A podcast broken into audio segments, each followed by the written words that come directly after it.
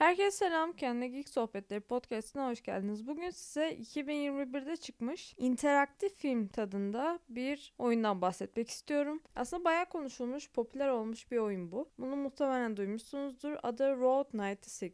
Yanlışlıkla kendimi kaptırıp da Road 96 falan dersem alınmaca, gücenmece yok. Baştan söyleyeyim. Bu oyun aslında otostop çekerek Road 96'e ulaşmaya çalışan gençleri anlatan bir oyun. Siz de o gençleri canlandırıyorsunuz. Oyunda 7 bölüm var. Her bölümde farklı bir gence can veriyorsunuz. Road 96'e neden ulaşmaya çalıştığınızı falan anlatmayacağım çünkü biraz fazla spoiler'a giriyor. Ben bu oyunu ilk gördüm hayatım boyunca hiç otostop çekmedim. Otostop çekme fikri nasıldır falan diye merak ediyordum. Ama nedense oyun sanki bana böyle çok da güzelmiş gibi gelmiyordu. Çok övülmesine rağmen. Yani bir şeyler eksik hissettiriyordu ama sonra dedim çok öve öve bitirememişler bu oyunu bir deneyeyim. Oynanabilirlik olarak o kadar güzel ki yani gerçekten şunu söyleyeyim. Yolda bir sürü birbirinden farklı insanlarla muhatap oluyorsunuz ve bir yola nasıl devam etmek istediğinize siz karar veriyorsunuz. Oyun çok özgür hissettiriyor. Yani seçimlerin size ait olduğunu çok iyi hissediyorsunuz. Ve oyunla ilgili sevdiğim şeylerden bir tanesi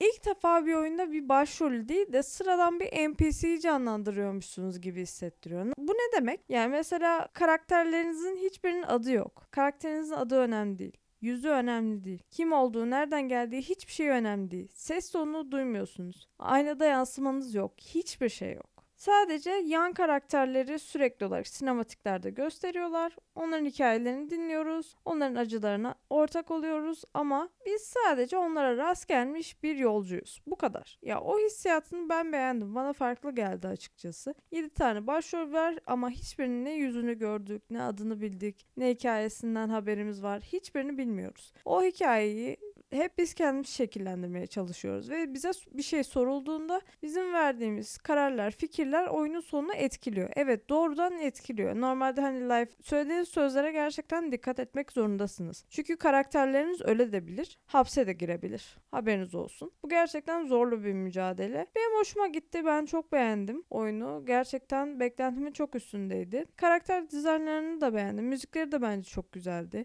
çok fazla müzik çeşitliliği yok. Belki belli bir nokta noktadan sonra bazı müzikler sürekli olarak tekrar edebiliyor. Sağdan soldan etrafı kurcalarsanız kasetler bulabiliyorsunuz. Ve mesela şeyi de çok beğenmiştim. Ya elinizde çok az miktarda bir para var ve bu parayı otobüse mi harcayacaksınız yoksa kendinize bir ziyafet mi çekeceksiniz? Yoksa param cebimde kalsın deyip yürüyecek misiniz? Yoksa yürürsem çok fazla enerji kaybederim, bayılıp düşmeyeyim diyorsanız dur ben otostop çekeyim en iyisi mi diyeceksiniz. Yani bunların hepsinin seçimi size kalmış. O parayı bitirmemeye çalışıyorsunuz ve aynı zamanda sizin orada yukarıda bir enerji enerji barınız var. O enerji barını da bitirmemeye çalışıyorsunuz. Enerji barını tahmin edebileceğiniz üzere uyuyarak ya da yemek yiyerek doldurabiliyorsunuz. Oyundaki en büyük iki etmen enerji ve para. Bunları olabildiğince yukarıda tutarsanız hiçbir sıkıntınız olmaz. Enerjiniz bitince ne oluyor? Bayılıp kalıyorsunuz ve hırsızlar paralarınızı çalabiliyor. Bu konuda dikkatli olalım. Oyunla ilgili hayal kırıklığına uğradığım noktalardan bir tanesi 6 saat boyunca bağlandım bağlandım. Yani bazı yerlerde bazı seçimleri o kadar çok oturdum düşündüm ki ya neyi seçsem acaba? Bu karakter kötü mü? Bu karakter iyi mi? Yani karakterler çünkü bana kalır siyah ya da beyaz değil. Bazı karakterlerin gerçekten hikayesini dinledikçe aslında göründüğü kadar kötü olmadığını görüyorsunuz ve karşı tarafı dinliyorsunuz. O da haklı geliyor size. İki taraf arasında seçim yapmak gerçekten sizi çok zorlayabiliyor. Ama sonrasında bir baktım ki hiçbir önemi yokmuş. Yani siz ne yaparsanız yapın aynı kapıya çıkıyormuş. O, o kısımlarını çok sevemedim. Sonu beni biraz hayal kırıklığına uğrattı. Çünkü sonunda evet farklı sonlar var. Sizin yaptığınıza göre,